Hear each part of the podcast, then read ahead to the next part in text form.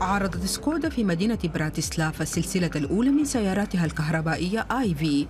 وبذلك ترغب الشركة التشيكية في طرح سيارات رفيقة بالبيئة. سيارة المدن سكودا Citigo e iV أول سيارة كهربائية خالصة للشركة. سرعتها القصوى 265 كيلومتر في الساعة. سعرها الذي يقل عن 20 ألف يورو في ألمانيا وحجمها المناسب أيضا كلاهما مقنعان ويجعلان سيتي جو e iV معروفا كفاتحة موديلات سكودا الكهربائية.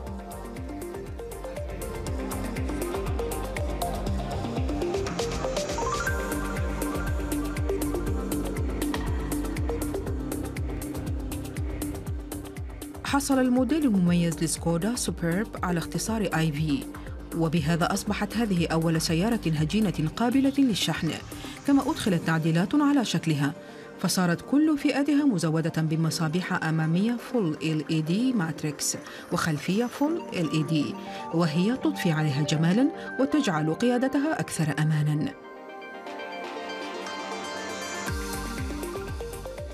لكن التحديث الأهم فيها هو أنها سيارة بمحرك هجين قابل للشحن.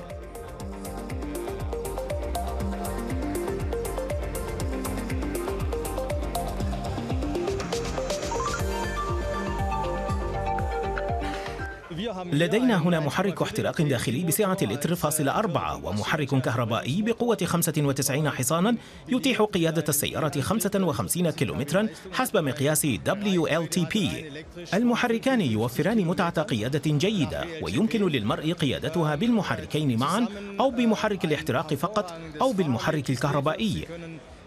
الجيد هنا أنها قادرة على قطع مسافة 850 كيلومترا بالمحركين دون الحاجة لوقود أو شحن.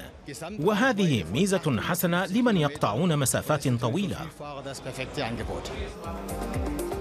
سيبدأ إنتاج السيارتين خلال هذا الصيف كما أن سكودا تخطط للمستقبل من خلال إنشاء محطات شحن وأنظمة إعادة تدوير مستدامة إضافة إلى إنتاج مزيد من السيارات الكهربائية.